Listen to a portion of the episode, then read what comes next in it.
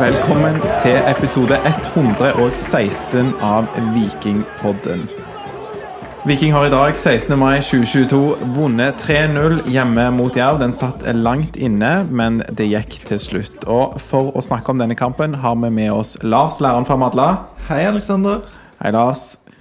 Torjor, evig student fra Eiganes. Hei, Aleksander. Kjekt å være her i dag òg, som alltid. Ja, og Ulf Karlsen, seriemester med Viking fra 1991. Velkommen. Takk igjen, Aleksander. Ja. Veldig kjekt å bli invitert.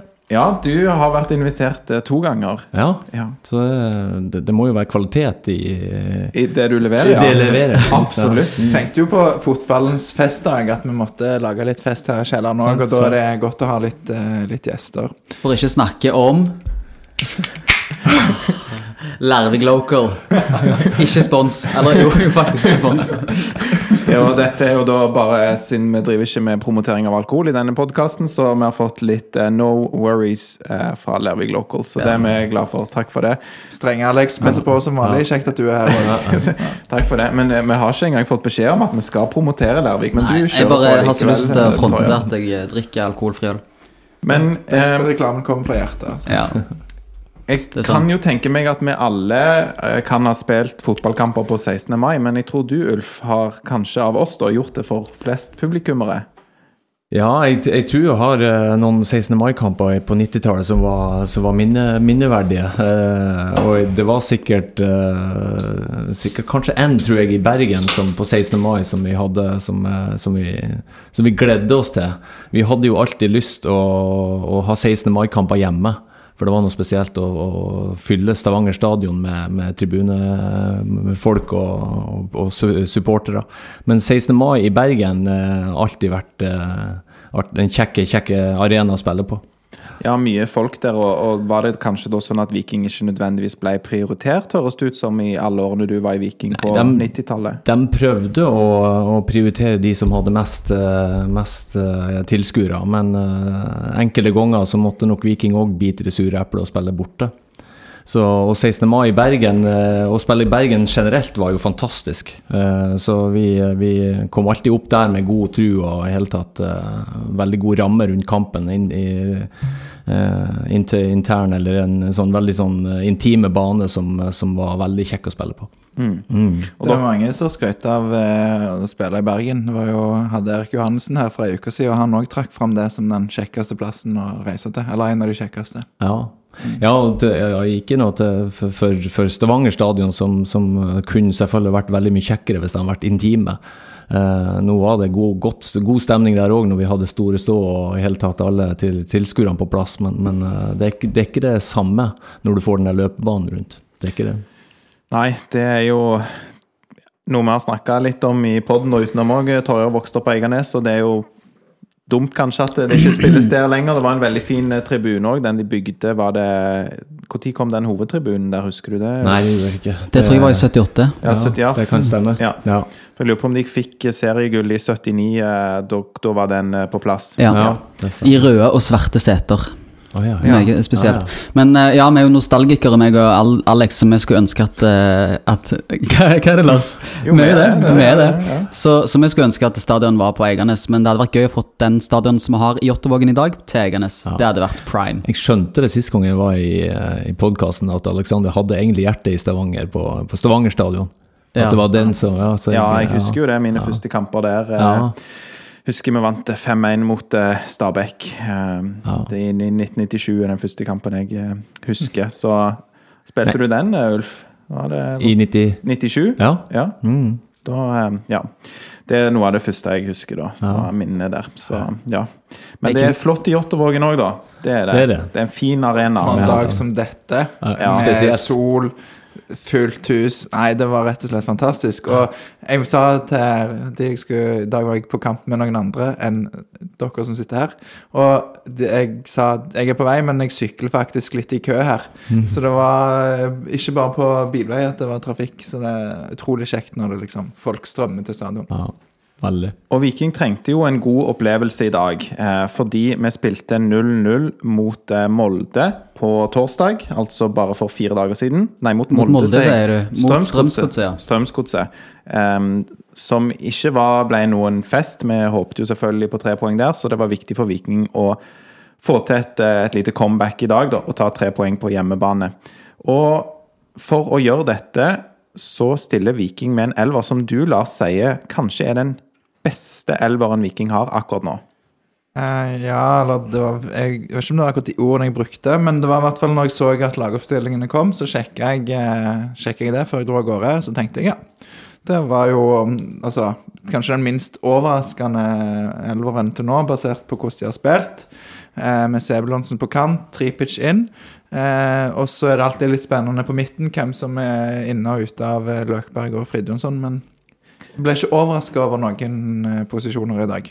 Nei, Løkberg har spilt litt mindre nå enn han har gjort i det, eller, ja, tidlig i sesongen. Han så han halta litt rundt i, i, nede på indre bane der, så han er kanskje skada. Jeg vet ikke. Jeg syns jo det var et offensivt De, stiller jo med et offensivt tøft lag. Og de ønsker jo å styre kampen, og de vet at de får en kamp der de skal styre. Så jeg, jeg syns jo det var helt riktig at de eh, brukte både Fridtjonsson og, og ja, fikk Tripic inn, selvfølgelig, som, som var naturlig, hvis han var spilleklar. Det var én ting da som jeg liksom hadde et lite håp om, eller et ønske. Det var jo at enten Mai Traoré eller Daniel Karlsbakk skulle få starte i dag. Litt sånn for å overraske. litt eh, et litt uromoment som på en måte de folk ikke kjenner til. Eh, hjemme mot Jerv på 16. mai hadde vært en, eh, en stor anledning, men jeg tror det hadde vært kult å, å prøve det. Kjekt å se Patinama på bekken òg. Jeg vet ikke om du nevnte det, Lars? Nei, han var jo inne igjen etter, Etter at Sebu fikk spille venstreback òg. Sebu som kan spille overalt, og på banen igjen i dag. Ja, veldig bra. Og så Trippic fra start. Jeg skulle gjerne sett at han kom inn, for det var jo åpenbart at han ikke klarte å spille hele kampen. Gikk ut i pausen. Så det var kult å få han inn. Han er jo en matchvinner, men eh, vi klarte det likevel uten han i dag. Eh, Kabran erstatter jo han i pausen, så kunne gjerne hatt motsatt der for min del. Starta med Kabran, og så kom Trippic inn. Jeg er litt enig, for jeg, tror nok òg det at han hadde ikke det som skal til. Han er en uromoment når han kommer inn eh, et, eh, i kampene, han, eh, men han har ikke den fysikken, og han er ikke klar ennå. Han er ikke det. Til 90 minutter. Nei. Og før vi snakker om eh, selve kampen, så er det jo da sånn at Viking går inn til denne kampen og er serieleder. Og vi, går, vi vinner jo 3-0 og er jo serieleder da når kampen er over, og det er jo veldig hyggelig. Og du, Ulf, har jo vunnet serien med Viking. Siste kapteinen på et vikinglag som, som gjorde det. Eh, ser du konturene noe, av noe du har sett før i et vikinglag som, som vinner serien? Eller er det en, en del i Stavanger som kanskje må ta det litt med ro, eh, og så må bygge Eller innse at vi bygger stein for stein, og at det er ikke Pust her med magen. Pust pust deg med magen. Det er ikke sikkert det blir gull i år. Jeg, eh, jeg, eh, jeg ser jo at det er mange som, som, som prater høyt og ønsker at vi skal og, og, og ser for seg at vi skal ta gull, og vi er nok helt klart en gullfavoritt. Eh, Det tror jeg, og, og- det er både med, med tanke på spillemateriell, men òg den, eh, den, eh, den gangen de har fått i klubben fra, fra starten av. Eh, Så det her det kan gå helt hjem. Eh, er, og jeg har ikke sett i nærheten av et, eh, altså et sånt vikinglag på, på mange, mange år. Jeg, eh, vi var gode i 91, men vi var amatører i forhold til de her. Eh, et pub-lag som Egil Østenstad kalte oss. Det, det, det er ikke langt unna. Så, så er det klart De har ekstremt mye fysikk. De har uh, typene i laget som gjør det, som kan avgjøre. De er offensive i tankegangen, og jeg liker det ekstremt godt. Så jeg, jeg tror vi kan gå helt hjem i, i år. Eh, og det er klart det er flere gode lag med Molde og Bodø-Glimt og Rosenborg som kommer etter hvert, men, men uh, men det blir tøft om det blir to, én, to eller tre. Men vi skal være der oppe.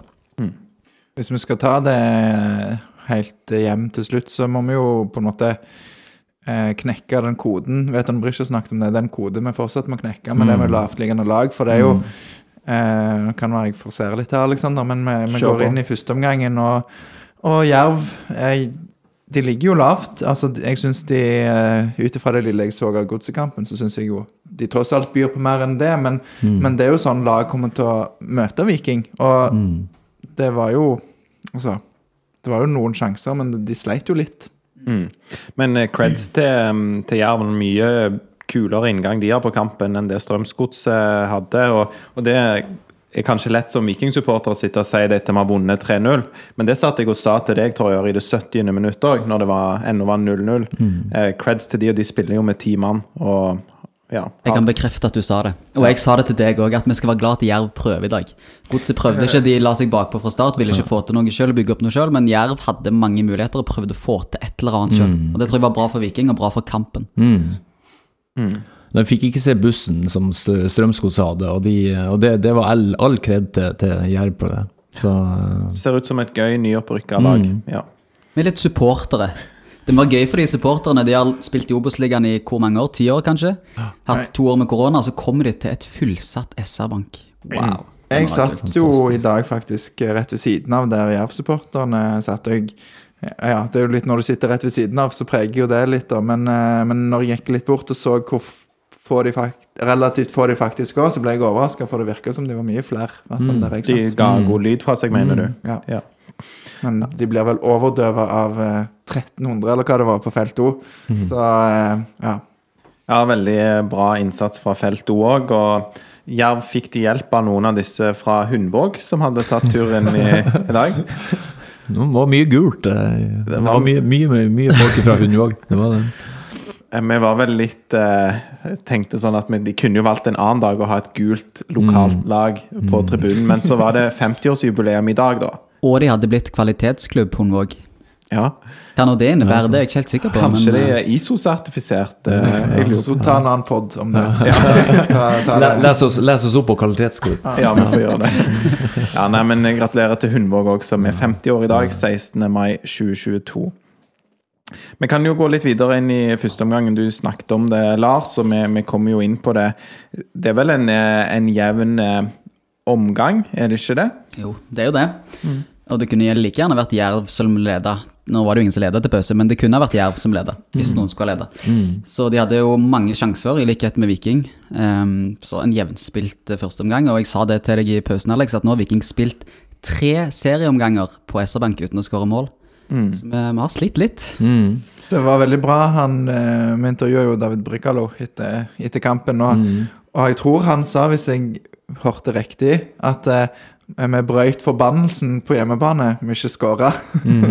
jeg tror det var det han sa. Det var sånn én kamp og tre omganger. Så det var tydeligvis at det var eh, noe de hadde noe som gått litt inn på de. Eh, men ja, altså jevnspilt. Jeg vet ikke. Jeg syns jo Viking hadde det meste. eh, men Jerv hadde kanskje på en måte i starten det som var farligst. Eh, Viking lå og trilla ball, kom til noen sjanser, fikk vet ikke hvor mange corner, jeg, det burde jeg gå og sjekke. Men det føltes i hvert fall som veldig mange, og det føltes som om alle de tok var korte, og det føltes som alle bare ebba ut i ingenting i første omgang spesielt. Og så er det jo sånn i det 36. minuttet, Ulf, at Viking får en liten hjelpende albue slash arm av Erlend Hustad. Ja. Um, han har jo først fått uh, gult kort uh, for riving, og det tror jeg vi er enige om at var, var greit. Det var vel flere som kunne hatt noen gule kort. der, Ja, det de, han trakk det ganske lenge før han heiv opp det gule kortet, det første gule kortet, så, så det var helt på sin plass når han fikk det første, Hustad. Og det andre gule kortet for, er det gult kort, syns du? Ja, det, altså Brekkalo kommer jo med god fart bak, men, men eh, håndvinkelen syns jeg er for høy, som gjør at han får eh, helt klart gult kort. Og da er det, da er det rødt. To gule kort er rødt, så, så han er frustrert i etterkant, Hustad, men jeg, når jeg ser reprisen, så, så syns jeg han er vel høy med armen. Som gjør at den eh, Og den treffer i, halsen på Brekkalo, som, som eh, sikkert kjenner det godt, for å si det sånn. Er det noen av dere som tror han eh, gjorde det med vilje? Hustad, hvordan ser det ut?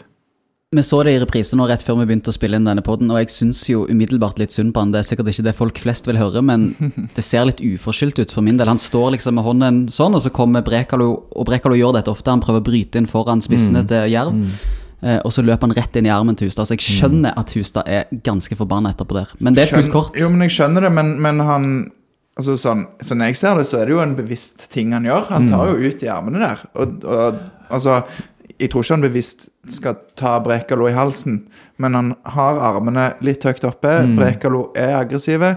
Ehm, Så ja, altså det er ikke en albu med vilje, men det er jo en bevisst handling likevel. Ja, han, han ser Brekkalo òg, tror jeg, for han har et lite øye på sida Ja. der han løfter armen. Når han kommer med armen litt lå- lågere, så har det ikke vært noen ting, for det, det kan du gjøre. Og støtte deg og, og gjøre deg store. Men, eh, men det han gjør, han tar han altfor langt opp. Mm. Og da får du den situasjonen. Det er vel en slags refleks, er det ikke? Jo det, sånn du vil gjøre deg enda større. ja, Ja. og så blir du litt ivrig, og sånn som du sier, løfter for høyt. Ja, der, eh. Men jeg skjønner jo at han blir sint. Men Brekalo sa jo at han Jeg skjønner ikke at han blir så sint. Han Nei, blir så sint. veldig sint. Ja, det er jo helt det- Altså, Brekalo, vi snakket med han, han mente jo at eh, albuen i seg sjøl kvalifiserte til rødt, men han fikk jo veldig vondt. Men altså, når Brekalo ligger nede, så, eh, og jeg tror når Hustad skjønner at han får det gule kortet, før dommeren kommer bort, og han på en måte skjønner at nå blir jeg utvist, så springer han jo bort til Brekalo, og jeg vet ikke om han skjeller han ut eller eh, spytter på, eller hva han holder på med. Det er i hvert fall ganske aggressivt. Det, det er tett opptil, og Det er åpenbart at Brekalo har vondt. Han har jo fått armen hans rett i adamseplet. Ja. Ja, Det virker jo som om han Hustad mente at det var et komplott mot han. For han, altså sånn Du eh, gjorde sånn at jeg fikk gult kort, så får han gult kort og rødt kort, og så går han bort til, altså, og peker på assistenten og liksom eh, Gjør sånne skallebevegelser liksom. Ja, sånn, hvordan våger du å fortelle om at eh, jeg gjorde dette? Altså, dette er din feil at jeg får dette kortet. Og, og jeg regner jo med at dette vil få et eller annet etterspill, for det, eh, det er vel et eller annet som sier at hvis du eh, ikke aksepterer det røde kortet, så får du flere kampers karantene. Ehm, for det var jo Altså, han aksepterte ikke det røde kortet uten å diskutere det, i hvert fall. Det tror jeg vi kan trygt si. Det kan vi si. Eh, Torjar, eh, hvordan syns du Jerv er da, etter de blir, går fra å være 11 til å være 10 mann? Nei, de var jo ikke spesielt rusta av det. Jeg ville jo gjerne trodd at de eh, la om eh, nevn, Altså at de ville fremstå annerledes formasjonsmessig. Det la jeg ikke merke til at de gjorde sånn umiddelbart. Eh, og spillemessig så virka de ikke rusta av det som skjedde, så jeg syns nesten de var bedre jeg, eh, fra det 35.-36. minutt og fram til pause, i hvert fall. Andre, andre omgang er jo litt mer enveiskjøring fra Viking sin side. Eh, Men sånn fra start av så syns jeg de håndterer det veldig fint. Og det var jo litt skummelt for oss da som sitter og håper på et vikingmål. Ulf, er du eh, imponert av det du ser fra Jerv i dag, med både 11 og 10 mann? Ja, de er sterke, og så kommer de ut i andre omgang med 4-4-1. Altså, og så justerer de, så de, de legger ikke bussen bak. De tør å eh, spille fra keeper. Eh, Er robuste, eh, tekniske. eh, Skaper utfordringer for oss gang på gang, både i første omgang og andre omgang, egentlig. Selv om andre omgangen har vi mer kontroll enn første omgangen, der vi blir litt nonchalante enkelte ganger. Som gjør at vi skaper egentlig litt sjanser for dem, for å si det sånn. Så, men imponert, det må, jeg, det må jeg si, ja. Altså, robust lag som tør å spille. Veldig kjekt, istedenfor at du får det der eh, Som jeg tror kanskje mange av lagene vil eh, gjøre, Lars, som du nevnte tidligere. Så det, vil vi, det tror jeg vi vil oppleve. Altså at eh, det her eh, Viking stadion er et fort, og, og de vet hva de kommer til, og vil legge seg deretter bakpå. Så, så all ære og kred for, for Jerv, eller til, til Jerv. Og det er jo kjekt når du er et nyopprykka lag òg, at du En ting er at du er nødt til å ta poeng, for at du ønsker å overleve, ønsker å gjøre det bra. Men i denne prosessen da med å karre til deg så mange poeng som mulig, så er det jo kjekt å ha en utviklende spillestil. For du ser jo det at hvis det blir en negativ spiral, ikke sant, at du, du parkerer bussen, eh, og gjør du det fra tidlig i sesongen, så blir du mest sannsynlig ikke så veldig mye bedre til å spille fotball eh, gjennom sesongen.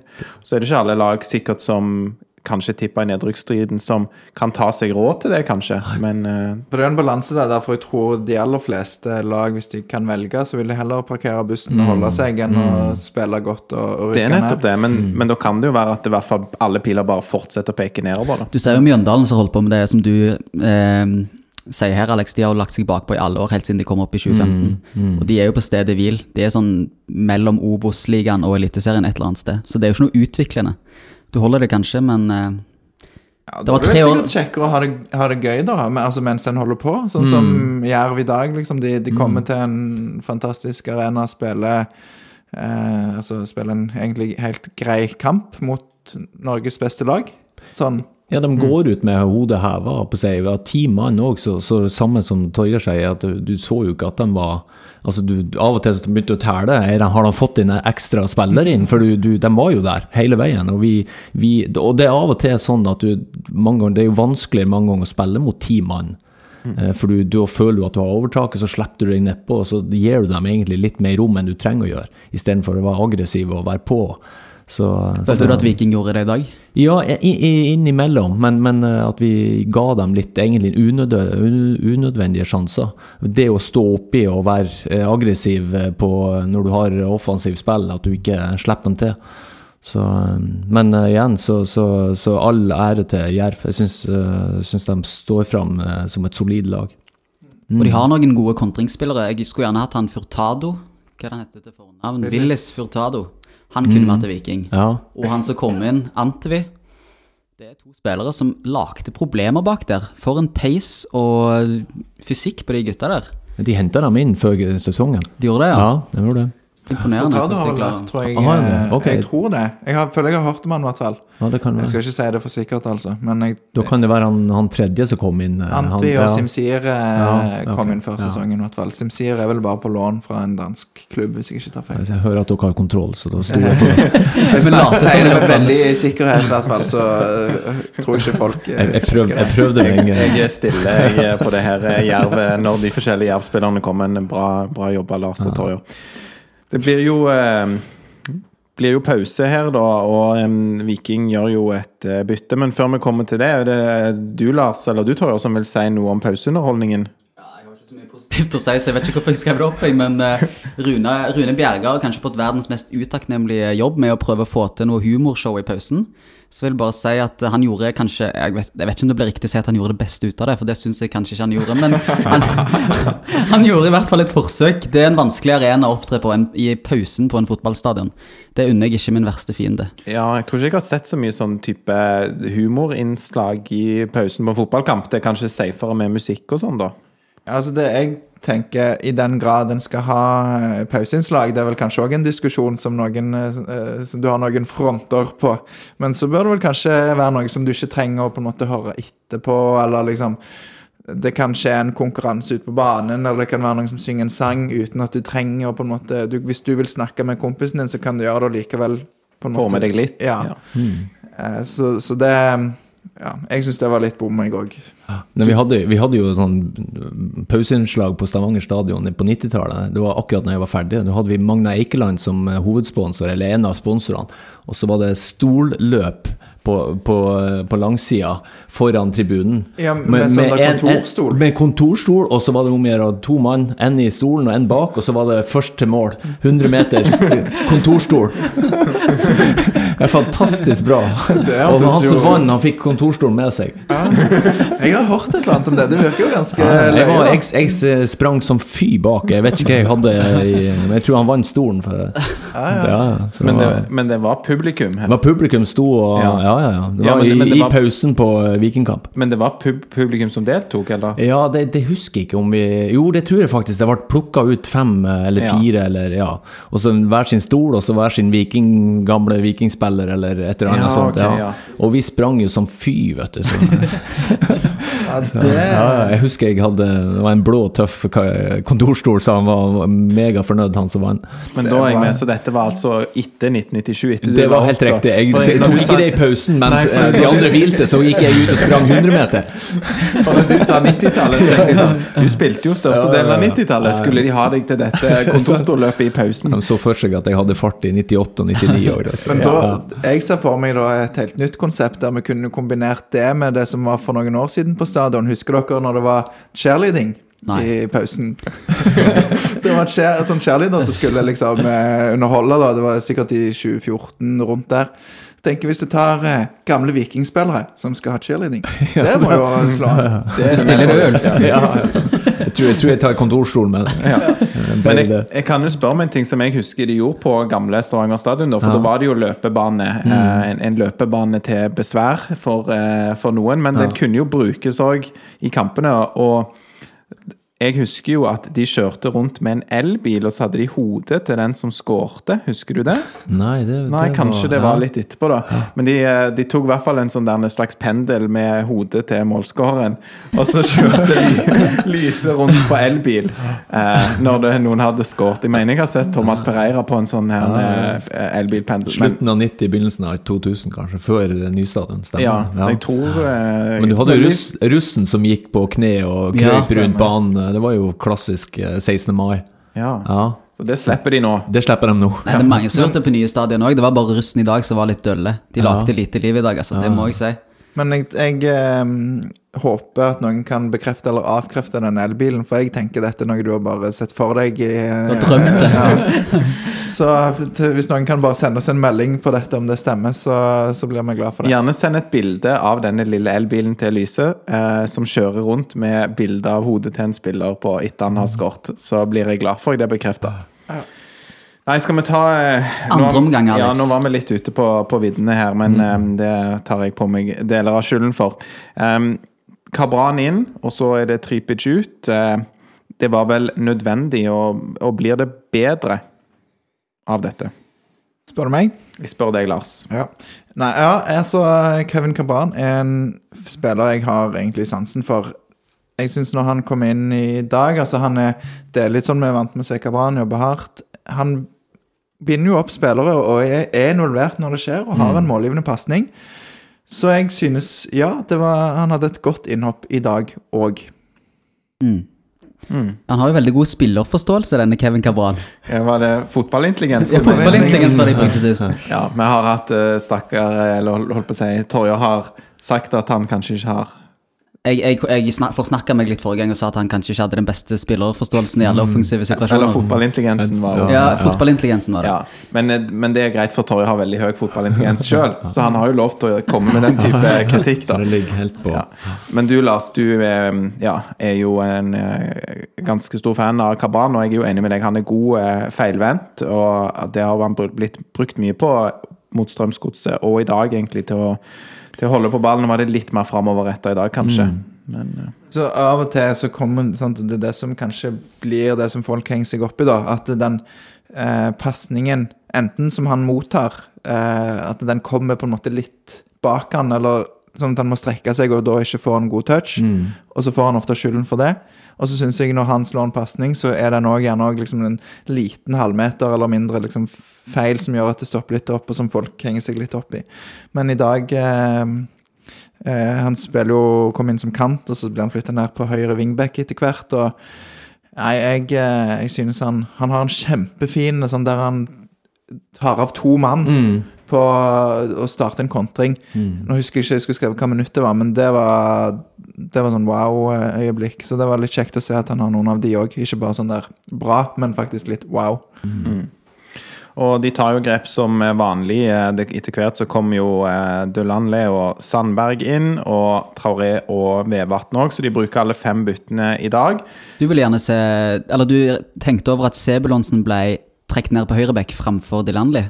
Ja, det har jeg bare eh, bet meg merke i. Det skjedde jo òg, jeg mener det var forrige kamp eh, hjemme mot Strømsgodset, at de to ender opp på høyresiden eh, sammen. Mulig jeg blander med en annen kamp.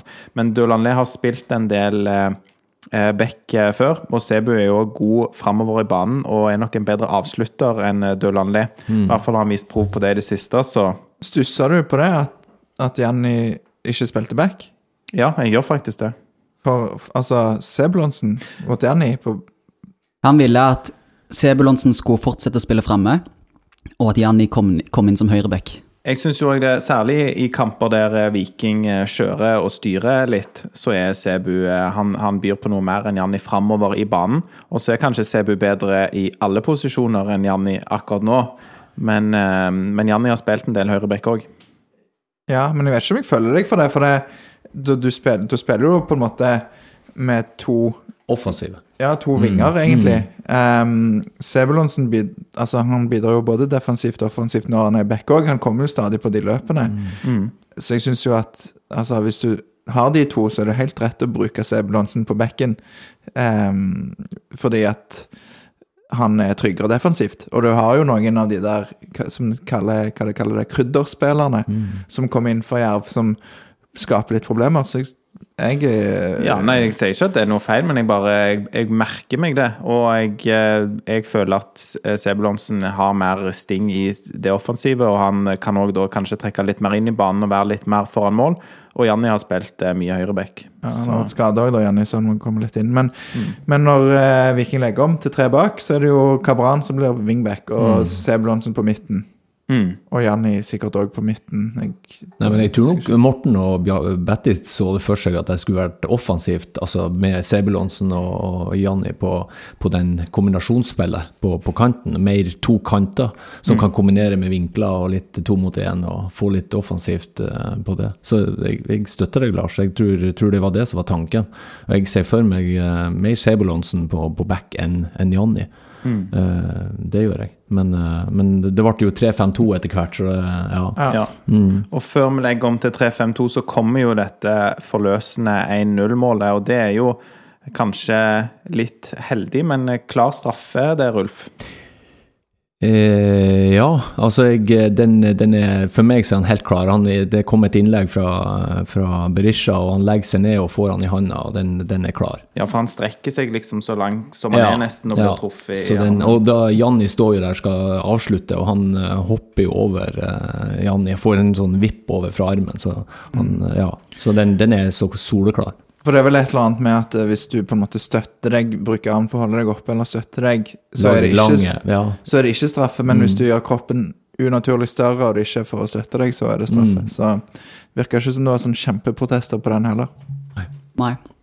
Og før straffen blir tatt, så har du han godeste Kolskogen, han eh, bergenseren fra Brann, som setter seg ned og prøver å hale ut tiden, gjerne for å psyke ut Veton Berisha. Han fikk tydeligvis en krampe eller et eller annet der, så han hadde nok gjerne sett på Godset spille mot Viking og tatt imot noen tips. Hva vet vel jeg. Men eh, Berisha hadde fått beskjed av Slatko i går om at han måtte skyte midt i målet, fordi at eh, Hva heter han keeperen til Jerv? Eh, Jeg tror det er Øystein Øvretveit. ja, Øystein Øvretveit. I hvert fall Øvretveit. Øvretveit. Keeperen til Jerv, da. Han Øvretveit kaster seg alltid.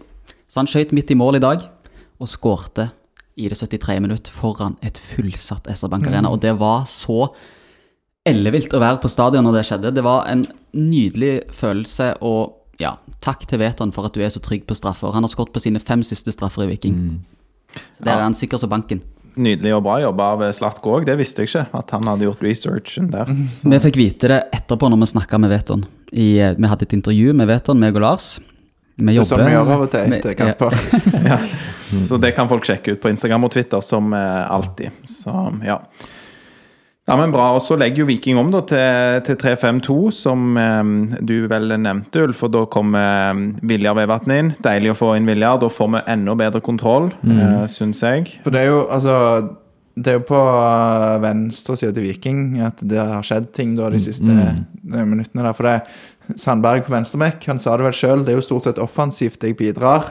Og han ble jo lurt på den ene som eh, der Gunnarsson spiller seg ut og, og sånn. Så jeg tror nok at det var Er det denne bærturen til Gunnarsson, det? Ja, da er det først eh, Sandberg som jeg vet ikke, feilberegner ba ballbanen litt og kommer på etterskudd. Um, så det var jo for å trygge den der Altså få litt mer kontroll, og samtidig gi Sandberg det rommet for å gå offensivt. Som betalte seg på mange måter. De sto jo oppe med to, to spillere, det var de to som altså det var greit med tre, tre mann som dekte de to offensive til Jerv. Så det var helt riktig. Fikk vi bredd i spillet òg i tillegg. Mm. Ja, og ehm, ja, det er jo på, på dødball da at 2-0-målet kommer. Endelig på dødball. Vi hadde, jeg fant ut 14 cornere, 9 i første omgang. Eh, Farligat. Ja, og, og jeg vet ikke hvor mange corner vi har hatt uten å skåre mål, men det var jo sånn Det ble gjort ei greie ut av det. Men nå, endelig, så, så satt han eh, på 2-0. Hvem var det som hadde den? Eh, Var det du, Torjer? ta det, men eh, ja, jeg kan ta det. jeg. Det var jo da Brekalo som skårte. Og han, fra meg da, fra tribuneplass på stadion, så så det litt sånn Klabo Bab-aktig ut før han klarte å sette han fint ned i hjørnet. Men når jeg så det i reprise på televisjonen, så ser jeg jo at han har noen frekke triks for seg sjøl. Han eh, legger ned og trikser litt med ballen før han setter han kalkulert i eh, lengste hjørne. Og det er kult at han stopper så kan han få til det der, altså. Du tror vel kanskje først han skal skyte, og så Ja, det gjør faktisk det. Så det er akkurat som å se eh, Det var som å se Ulf, ifra- Ulf i glansdagene, skulle jeg si. Not. Kunne hende at jeg eh, skårte med, med hodet, men eh, aldri den eh, triksinga, for å si det sånn. Det var ikke min styrke. Var du, noe, var du dødballspesialist på noen måte? Nei, jeg var ikke det. Jeg, var ikke. Jeg, skal ikke, jeg hadde åtte mål i karrieren på sju år, så jeg kan vel ikke si at jeg er noen spesialist. så eh, jeg prøvde, og det var oppe på cornera stort sett, men, men det var ikke mange mål det ble eh, på de her årene. Den, den tittelen spesialist henger vel litt høyt, eh, for jeg har hørt eh, i Kristoffer Løkberg sin podkast eh, Fotballrådet. Mm. Der eh, har de snakka om frisparkspesialist, og den òg henger veldig høyt. Da, sant? Å kalle seg for spesialist på dødball eller frispark eller noe, så ja. Ja, det var, men det var fint. Det er lekkert av eh, Brekalo. En liten sånn nesten sånn skuddfinte òg, mens han har ball i lufta. Det var stort. Nei, det var Det det, er ikke, det er ikke hverdagslig for en midtstopper, for å si det sånn. Det Nei. er det. Nei. Og så her må jo jeg, og egentlig du, ta, ta litt sjølkritikk, for vi intervjuet jo Brekalo etterpå. Jeg tror ikke vi spurte han om eh, målet. vi snakket bare om eh, Vi snakket om veldig eh, gode ting, altså. Blant Ja. annet om Om han hadde kjøpt seg bunad, spurte jeg om. Ja, det, Og så spurte han hva en bunad, og så skulle jeg prøve å forklare på engelsk hva en bunad var. Det var jo òg litt tricky, men ja. Jeg gleder meg til å høre dette intervjuet. Det hørtes ut som god hobbyjournalistikk. jeg kan jo bare si at det var en del snakk om Viking, altså. ja. ja. Nei da, men uh, vi, vi kan jo heller ta en spiss sitt mål, og da vil jeg at du skal ta oss gjennom det, Lars. Mai Traoré endelig foran målet sitt. Ja, Mai Traoré, som da um, faktisk uh, akkurat nå i, på sånn Sofascore sin rating, så er han faktisk nummer tre på den, eller fire på den, rett bak uh, David Bacalo. Så det betyr han er vår fjerde beste spiller Denne I dag sesongen eller gjennom sesongen? denne sesongen. Oi. Det er av to mål i mot Haugesund og mål i dag, da. Eh, I snitt ni minutter per kamp, og i dag så brukte han tida godt og fikk inn en scoring. Og altså, det var for meg kanskje, kanskje det kjekkeste målet, for det var liksom det han hadde venta på. Eh, Mai Traoré, vi har snakket om det før, når skal han få scoringen sin? Endelig kom han. Tidenes lagspiller, virker det som.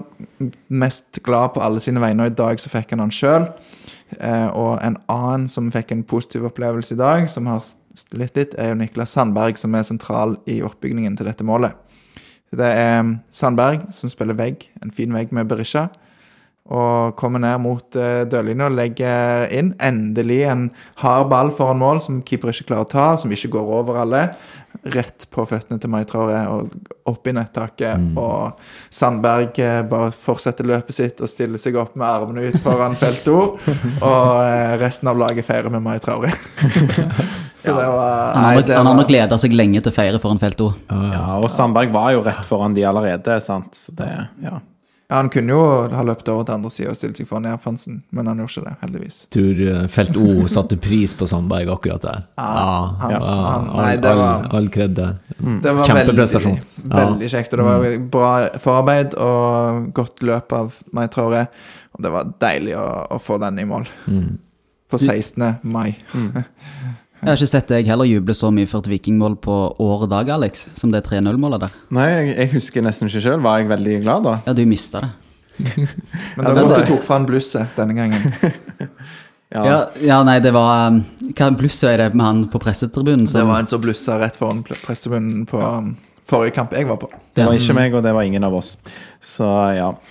Men kan jo, da, da blir det 3-0, Eh, og jeg tenker vi går over til å snakke om de som da var, var best på eh, Vikingpodden sin børs. Det vet kanskje ikke du, Ulf, men vi gir jo børs til spillerne.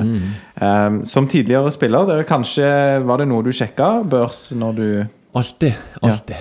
Det, Var nei, jeg, altså, jeg har jo en sånn fryktelig eh, erfaring med børs. da. Det var min første, en av de første kampene jeg spilte hjemme.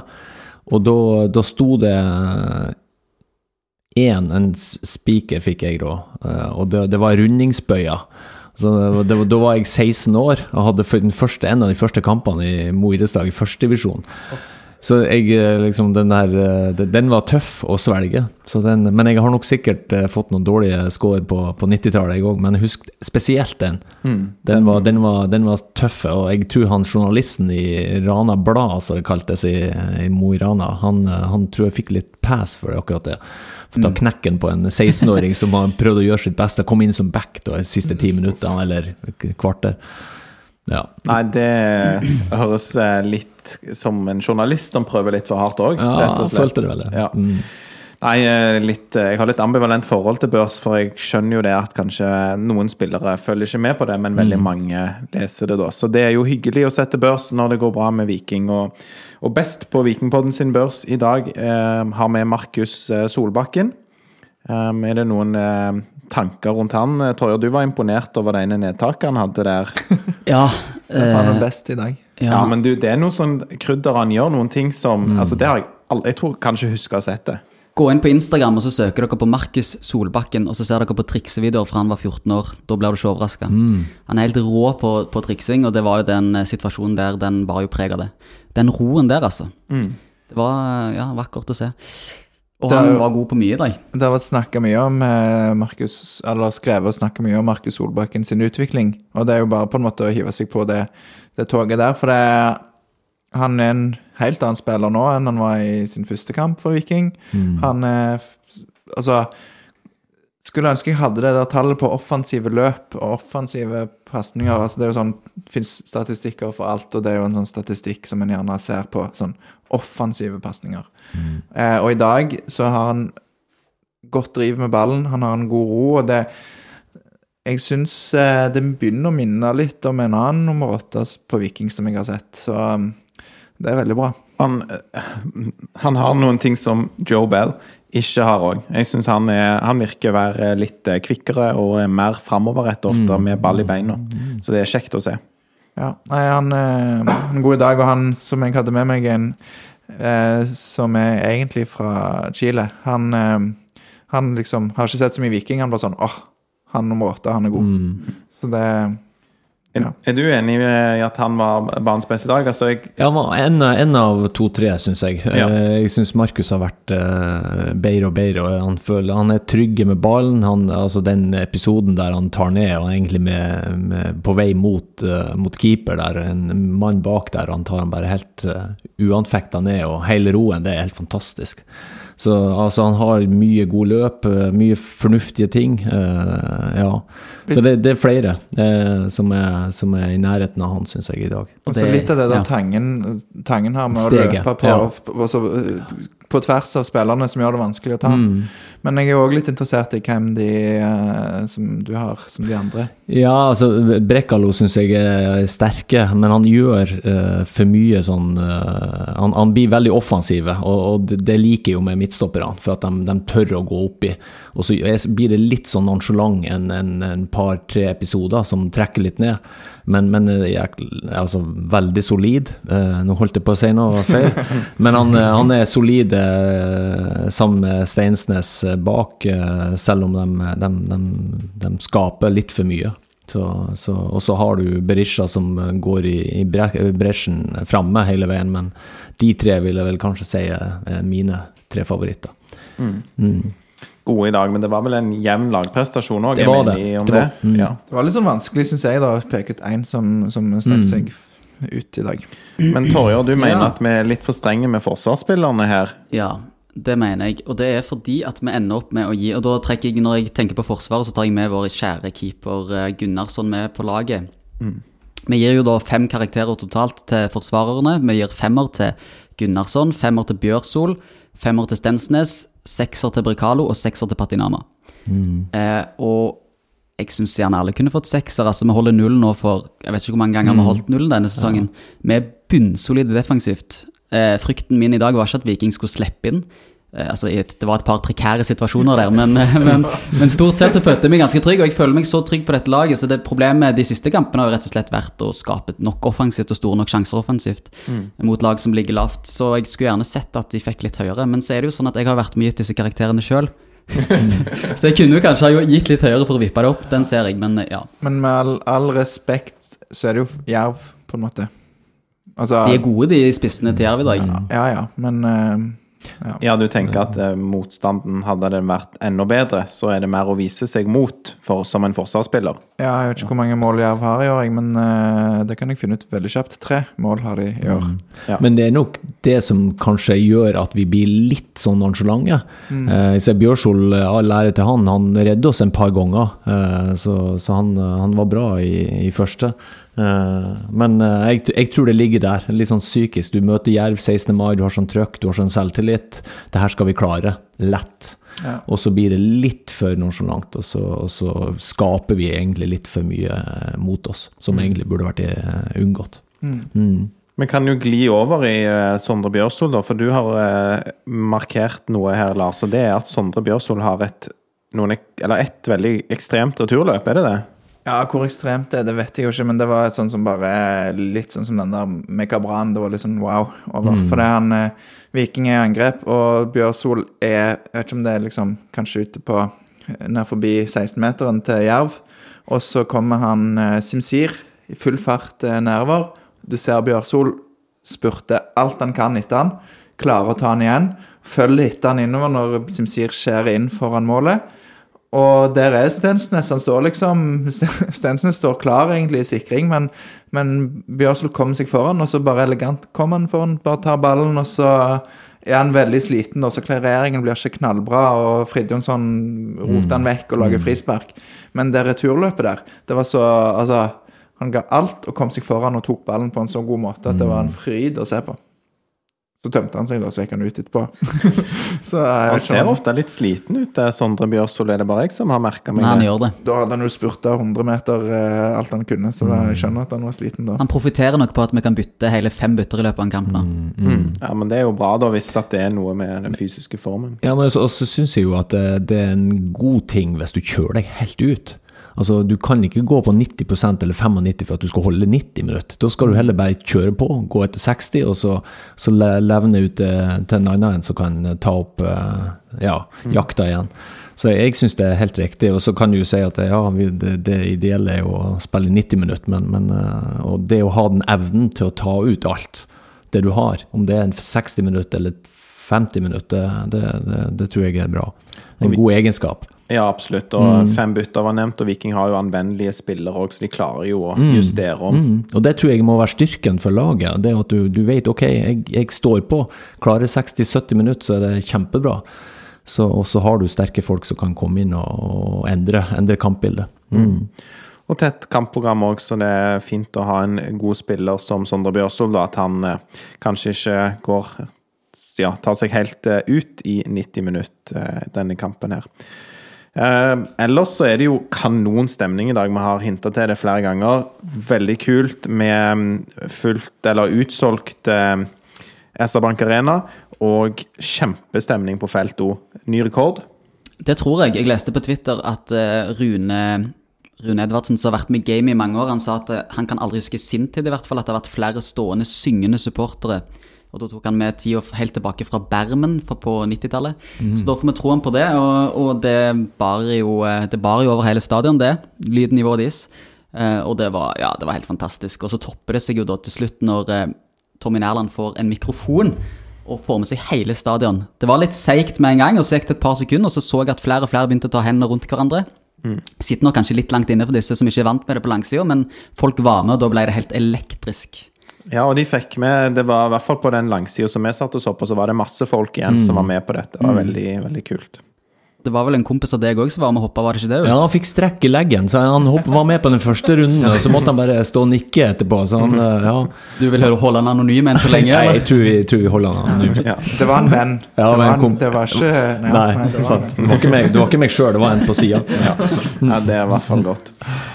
Nei, Er det noe mer dere vil legge til om denne fine 3-0-seieren mot Jerv 16. mai? Eh, Ulf, Lars og Torjar? Jeg vil bare takke for en god opplevelse. For det nå er 16. mai i dag, så har vi gått overtog på skolen. Ja, jeg er lærer Ulf.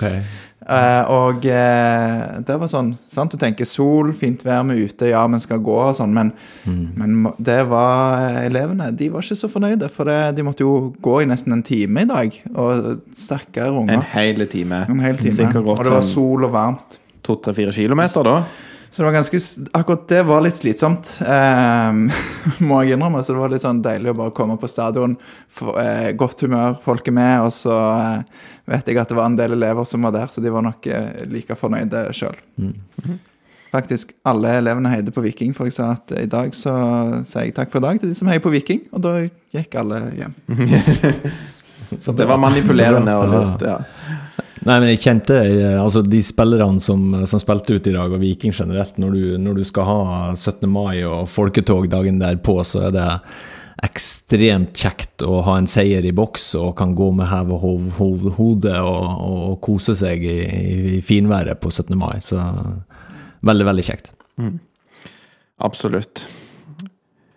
Da- Neste episode, Alex. Hva Ja, skjer neste da? episode med, Det er jo litt mye som skjer rundt Viking eh, om dagen til et kampprogram, så vi spiller ikke noen episode etter bortekampen mot Rosseland 19. mai, men eh, vi skal vel alle dra og se på, utenom Lars. Du jobber på kvelden, har en sånn sidejobb. Ja. Ja.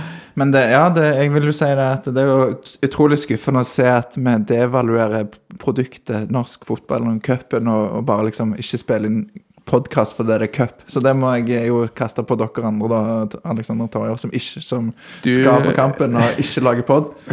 Eh, Kanskje vi gjør noen intervjuer av eh, spillerne, men eh, vi skal lage episode etter bortekampen mot Tromsø 22. mai. Da er jeg med. Da syns jeg jo at eh, dere må intervjue Daniel Karlsbakk etter han har skåret eh, hat trick på Bryne. For jeg, jeg har skrevet et punkt her Vikingpodden stiller ikke like sterkt i år som de gjorde i fjor i Tromsø. I fjor var du, gjorde du en heroisk innsats, Alex, men i år, blir, eh, i år må Viking klare seg uten oss på tribunen. Ja, men ingen av oss skal på bortetur. Med, med mindre noen eh, Det kommer en eller annen rik onkel og vil Ja, sponse en, en liten tur. Så det er er gitt der. Men eh, ja, nei, det blir kjekt med det som skjer eh, 19. mai og 22. mai. Men før det så er det 17. mai i morgen. Har du noen kjekke 17. mai-planer, Ulf? Nei, jeg skal kose meg med folketoget og heie på Viking og spillere og, klubben når de kommer. De går rett rundt i kvartalet mitt, så, så det er bare en fryd. Jeg kan gå 40 meter, og skal jeg stå opp med flagg og kose meg. I Så- godværet. Så bra. Sånn er det når man bor i bynære strøk. Da er det tett på. Ja. Herlig. Jeg gleder meg til å gå i toget igjen. Det må jeg si. Nå skal jeg gå med disse elevene som var litt misfornøyde i dag, men jeg har troen på i morgen. Da er det en, en ny giv, så det, det gleder jeg meg til.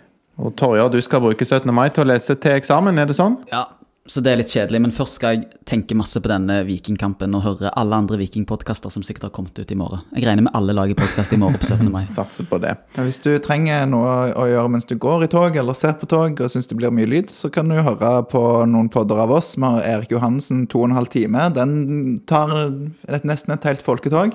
Hvis du blir ferdig med den, Aleksander, så Så kan du høre på episode 97, for der var du gjest i Vikingpodden, eh, Ulf Karlsen. Var, da går vi litt mer i dybden på, på din karriere. Nå har vi fått noen få drypp i dag, men det handler jo mest om det som skjedde i dag, 16. mai. Og veldig kjekt å ha en eh, tidligere midtstopper eh, inne for å, å snakke om kampen i dag òg. Men eh, oppfordrer folk, lytterne, til å sjekke ut episode 97. Veldig interessant. Så da tror jeg bare jeg skal takke dere for at dere var med, Torjar og Lars og Ulf. Og så skal vi gjøre et eh, lite sceneskifte her. Og da kommer det inn eh, de som er fantasy-ansvarlige eh, i Vikingpodden. Det er Jan Godfrey og Pål Jæger Jacobsen. Og ja, hvis du ikke kan så mye om fantasy, så er det faktisk lov å skru av hvis du ikke er interessert. eh, Så kan du gjøre det nå. Men eh, hvis du er interessert i fantasy, eller vil høre litt av eh, Det blir jo fotballsnakk, da. det er jo fotballsnakk òg, så sjekk det, gjerne, sjekk det gjerne ut. Og det er jo flere da som er med i Vikingpodden sin fantasy-liga. Jeg er veldig glad hvis dere ikke snakker om min plassering i den, den ligaen. Nei, du, du spiller ikke fantasy, Ulf. Ikke i hele tatt, nei. nei. jeg, jeg, jeg har fått, fortalt at eh, det tar altfor lang tid, og for mye tid. Og, så jeg er ikke nede i den eh, materien. Er ikke jeg. Ja. Nei. Og jeg er best av oss andre tre, kan jo jeg bare si. Så det fikk jeg, fikk jeg sagt, det òg. Veldig fornøyd med det. Ydmyk og fin. Jeg er alltid ydmyk. ja. Tror jeg vi må runde av før du blir altfor cocky her, Alex. Ja, vi gjør det. Da setter vi over til Eller gjør vi sceneskifte. Og så eh, spiller vi inn eh, med Jan og Pål. Og så ønsker i hvert fall vi fire alle en eh, riktig god 17. mai. Heia Viking! Heia Ja, Viking!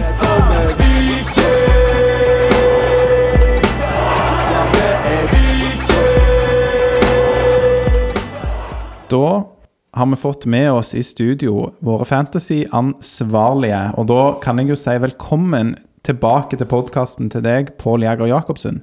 Tusen takk. Tusen takk. Trenger ingen nærmere introduksjon for de som har eh, fulgt med Vikingpodden en stund, men vi har òg med oss for første gang i Vikingpodden Jan Godfrey. Velkommen. Jo, takk, takk, Alexander. Du, Jan, er jo kjent for mange som følger Viking på Twitter. eh, Og du er òg eh, glad i fantasy og holder i dette eh, Vikingpodden Fantasy-ligaen sammen med Pål. Og den er jo òg da endorsed, får vi si, av eh, Viking FK, som stiller med premier, og det skal vi komme litt tilbake til. Men før vi snakker mye om hvordan ståa er i Vikingpodden Fantasy, kan du si litt om din story som Viking-supporter? Jo, jeg eh, er ganske nylig eh, supporter, egentlig. Eh, jeg spilte fotball når jeg var unge, helt til jeg var 15 og fikk slattes. Men jeg var aldri interessert i å se på kamper. Jeg så det aldri på TV. Men så fikk jeg en sønn. eh, han er ti år nå. Og etter hvert så begynte han å bli ganske eh, fotballfrelst, og da var det Viking som gjaldt. Og så uh, begynte jeg å bli interessert uh, i fotball pga. han, og da begynte jeg å følge Viking og bli fan av Viking, så sammen med han. Det er godt å høre. Og du er jo sånn ganske lokal og kommer fra Sola og London og Hundvåg, er det det? Eh, egentlig Storhaug. Egentlig Storhaug, ja. Så Storhaug, Sola, Hundvåg og London. Er det riktig? Ja. Og New Zealand. Og New Zealand, ja. Og Tyskland. Og Tyskland. Litt Wales. Ja, det var faren min fra, Okay, men jeg bodde aldri der. Ja, men kult. Da jeg vet vi litt om deg, og vi blir jo mer kjent med deg eh, etter hvert, for vi skal prøve å følge opp status i Fantasyligaen eh, sånn ca. én gang i måneden. Du nevnte jo sønnen din, eh, Julius eh, Jan. Han er den som vinner alle premiene til Vikingpodden, stemmer ikke det? Jo, det stemmer det, Alexander. Jeg har faktisk fått kommentarer fra folk òg når de har møtt på meg. Det er bare at han Julius han må slutte å vinne hele veien. Det er noe som er galt her. Eh, og så sa han til meg i dag at jeg måtte nevne at han var nummer åtte i Norge eh, i Fantasy i runde fire nettopp. Det måtte jeg si, ellers ville han banke meg når jeg kom igjen. Det er bra. Jeg vet ikke om han kan banke deg, han er bare ti år, men eh, Han kan prøve. Han kan prøve, men det er i hvert fall veldig sterkt. Bra, bra jobba, eh, Julius. Um, før vi snakker om eh, ståa i Fantasyligaen Vi spiller jo inn etter at Viking vinner 3-0 mot Jerv 16. mai. Fornøyd med den eh, kampen? Pål? Ja, helt greit. Det ble jo veldig kjekt. Det var Ja. en fin avslutning. Ja, det var bra, litt bedre, bedre resultat enn Ja, det var nok Resultatet var helt fint.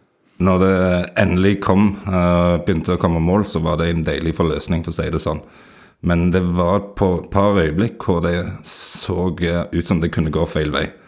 Det er Spesielt når det plutselig var åpent mål. Mm, ja, det er risky der. eh, Gunnarsson litt på tur. Men vi skal dra det over i Fantasy, og da er det jo mer enn bare dagens kamp som teller. Og det, en ulempe med Fantasy er jo at folk er nødt til å håpe litt på enkeltspillere fra andre lag. Det er ikke lov å ha et helt lag med vikingspillere.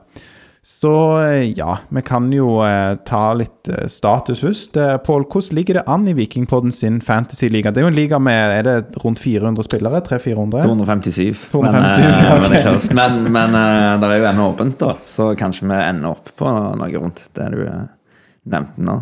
Eh, nå er det jo sånn at mens vi, du begynte å snakke i stad, og så åpna, så har jo lista begynt å oppdatere seg litt ut ifra denne runden. Så for eksempel nå så er det Andreas Ottesen som har uh, klatra til topp forbi en Reidar Østerås. Eh, og det vi snakket om litt før vi starta nå, er jo, er jo eh, altså, Mange i, disse, i toppen har jo brukt chipsa. Eh, og jeg lurer på om det ikke var han Østerås som lå øverst eh, i stad, som, som har kjørt den alle tre med en gang. Så han har jo en veldig høy poengsum, men eh, det skal være mulig å ta igjen, for det er jo mange som har flere chips igjen. Nå skal ikke jeg bruke hele episoden på å forklare konseptet fantasy. Det kan jo være noen hører på som ikke spiller så mye fantasy. Man setter jo altså opp sitt eget lag ikke sant, og velger spillere fra forskjellige lag, og så får du poeng ut ifra om spillere holder nullen hvis du er forsvarsspiller og du skårer mål eh, og sånne ting. Men bare for å ta det med chips, så er det at du får en slags boost, da. Mm. det kan være at det er doble poeng på alle spissene i én. Eh, noen flere? Rik onkel, da kan du kjøpe hva spillere du vil for én runde. Ja. Uh, bruke hvor mye penger du vil, uh, men neste runde så byttes det tilbake til det laget du hadde uh, før. Så du har noen sånne ting man kan gjøre, da. Grep man kan ta. I tillegg til wildcard, hvor du kan bytte hele laget. Ja. Da har du ett av òg. Men vanligvis bruker du wildcard i andre runden. Ok. Hvis, hvis det går dårlig, så må man bytte hele laget i andre Det er runde. flere som har gjort det her inne. Det er ærlig sak, det. Men eh, det kan være mange jeg er godt kjent med det, men bare i tilfelle, da, siden du begynte å snakke om chips eh, der, så noen har brent litt krutt tidlig, da. Noen har brent litt krutt, vi, vi, men vi har, får vi se Etter Østerås er det en Kristoffer Jacobsen, Eivind Meling Men så Jeg vet i hvert fall Christian Haug, for han var en mine å sikte på. Eh, og han har jo da hatt to, både runde fire og fem, med den ene var en dobbeltrunde, vel å merke, men to runder med 120 poeng. Eh, og han har vel, så vidt vi kan se, ikke brukt en eneste chip eller wildcard ennå. Så han som ligger på andreplass, altså, eller Ja, nå er han på femte. Han var, Femte, på, ja. var på andre eller tredje. Så han er jo f kanskje favoritten foreløpig, da. Sånn, eh, ja. Ja, men det har vært noen syke runder òg, med dobbeltrunder. ja. Så det, det var kanskje ikke ikke så dumt å bruke de chipsene allerede nå. Fordi det er godt mulig at det ikke kommer sånne store dobbeltrunder senere. Så, så for det vil da si at når, man, når du sier dobbeltrunde her, Jan, så er det det at noen lag som skal ut i Europa, f.eks., som Viking, de får lagt eh, midtukekamper eh, til eh, Ja, blir, til, som er liksom ikke en del av de ordinære rundene i Eliteserien. Det kan være runde 17 plutselig i Eliteserien spilles på likt med runde 4, og da får Viking to kamper i samme fantasy-runde. Og så plutselig senere en gang så har de en runde hvor de ikke har kamp. Ja. Så da har vikingspillere tidlig, det kan jo ha vært lurt. Det kan være veldig lurt. Og det, det tror jeg jo de fleste i hele Norge som spiller fantasy eh, Det er jo vel Berisha som har vært mest valgt kaptein i samtlige runder. 69,4% av de som spiller Fantasy, har Berisha på laget sitt. Og omtrent alle kjører han som kaptein hele veien. Og du har jo sagt noe, Jan, til meg om at Viking har de beste spillerne i nesten alle posisjoner. Ja, omtrent. De, uh, før denne runden, i hvert fall, så uh, Gunnarsson var Han er vel på andre- eller tredjeplass nå.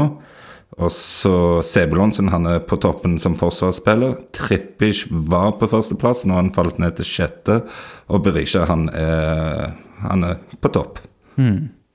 Liten skade på det tripitch der som eh, gjør at han kommer inn da, ikke spiller så mye, som kan påvirke poengene hans. Ja, men det er bra. Og um, i Vikingpodden sin liga, Pål, så er det jo òg disse som eh, ligger øverst. De er kanskje ikke så kjente navn for folk flest, men det er òg noen litt sånn kjente, profilerte, lokale idrettshelter, får vi vel si, som eh, gjør det bra i Fantasy. Ja, det var ingen kjekke navn. Jeg lurer jo på om han Eivind Meling, hvis han egentlig skriver med det, da, så at det Jeg tror det er egentlig er typen til en kollega av meg, men det er jo en Vidar-gutt. Eh, og så så jeg Camilla er veldig, vel internt her, typen til en kollega. Men Nei, okay. ja, ja. det er ærlig sagt, det. Eh, og så og så har vi jo selvfølgelig Julius uh, i toppen, og Ikke ukjente Julius Godfrey, ja. yes. Sønnen til Jan Godfrey. Bra, Jan. Ja, han, uh, han ligger på 14 eller 15, tror jeg nå. Jeg ligger langt bak, på 148. Ja. Og Eh, Camilla Herrem ligger foran deg, Pål.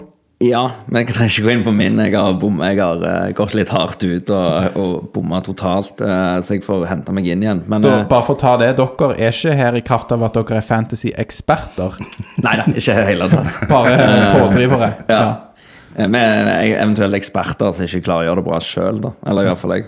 Ja. Nei da. Men vi har Camilla Herrem var, nummer, var topp 40 frem til denne runden. Nå har hun datt ned ned det tre plasser. Eh, vi har òg han her eh, Han der læreren eh, som òg er i NTB, Eirik Aase. Bedre kjent som eh, han, han som driver Championship Norge.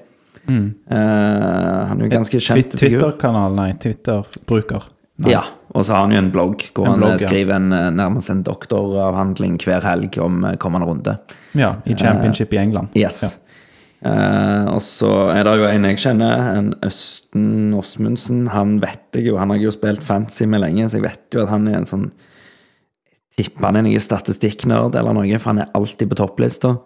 Så eh, det blir I forskjellige sånne fantasy-ligaer. ja, ja. Han, akkurat han har jeg spilt mer, mer engelsk med, tror jeg. Så, men eh, det blir spennende å se utover. Den, den, med tanke på hvor mange av de i toppen som har brukt eh, mange chips allerede, så vil jo den Sannsynligvis vil eh, lista forandre seg, men det er jo ikke sikkert. Det kan jo være at eh, Østerås og, disse her rett og slett gjorde totalt riktig i å bruke de så tidlig. Det kan veldig godt eh, være.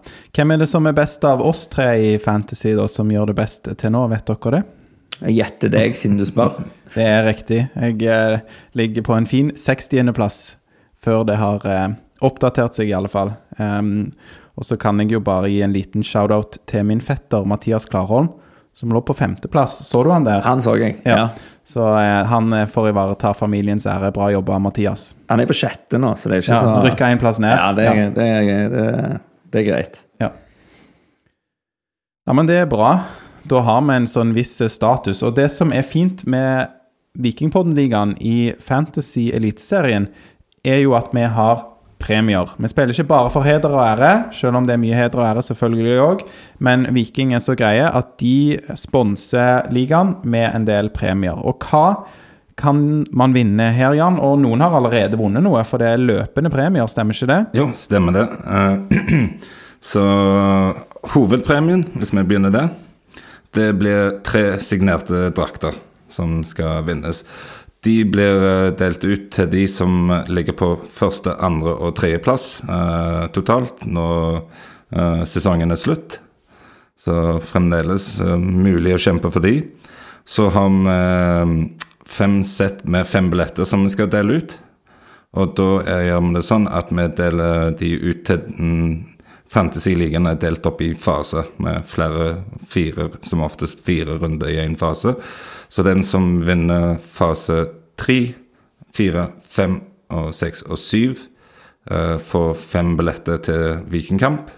Og den som vinner fase åtte, så da er det over, da er det ikke mer kamper igjen, da, får to skjerf.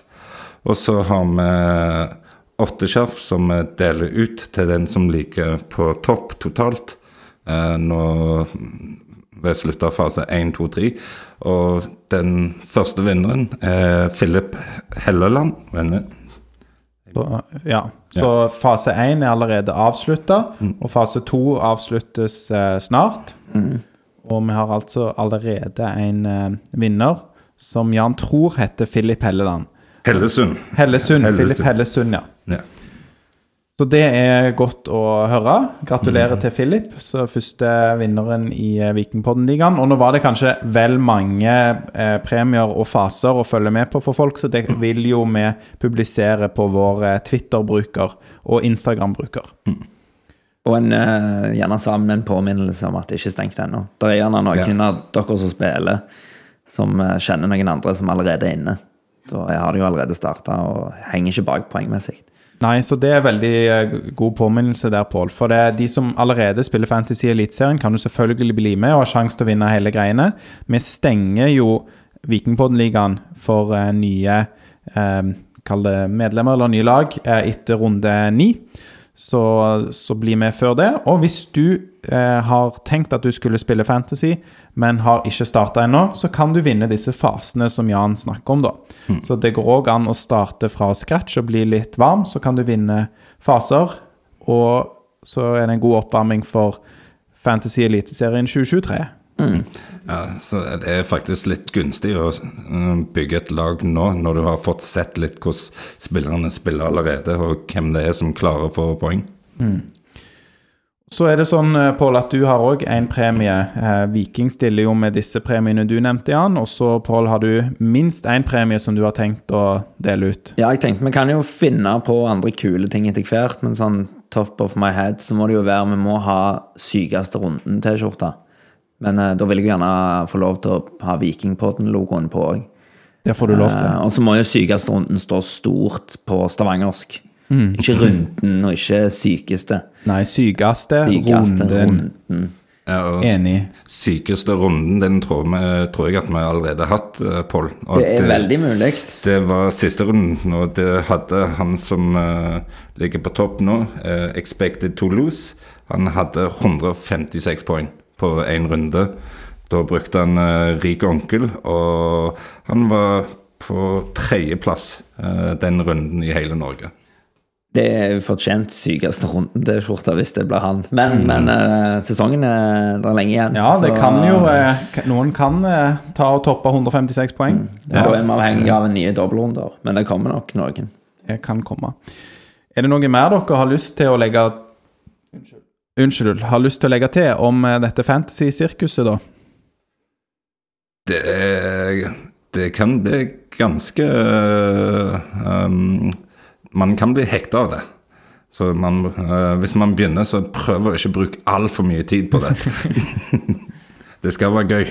Ja, ta vare på eh, dama, typen eller hva, og eh, ungene, og ikke bruk for mye tid på fantasy. Følg Jan sin oppfordring der. En annen, en annen ting, noe positivt med å spille fantasy, er jo for de litt gambling-avhengige, så, så føler du at du har tippa uten å bruke deg kroner. Har jeg hørt av en venn. Så da, eh, det kan være lurt. Det er jo Sparing, et veldig godt poeng. Ja. Er, eh, Fantasyspillene i Norge har jo da typisk ikke eh, noe sånn innskudd, og ikke pengepremier heller. Så da må du til utlandet og bo i Storbritannia hvis du vil gjøre sånne ting. Så bra tips eh, fra Pål. Men det, det øker òg engasjementet for norsk fotball. Og det gjør deg mer interessert i å se kamper med andre lag òg. Og at du lærer deg navn på alle spillerne i ligaen, eller mange i hvert fall. Det er kjekt.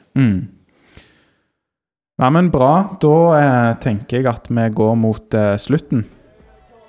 Og ja, så da sier vi, som vi alltid pleier å si Én, to, tre. Heia Viking!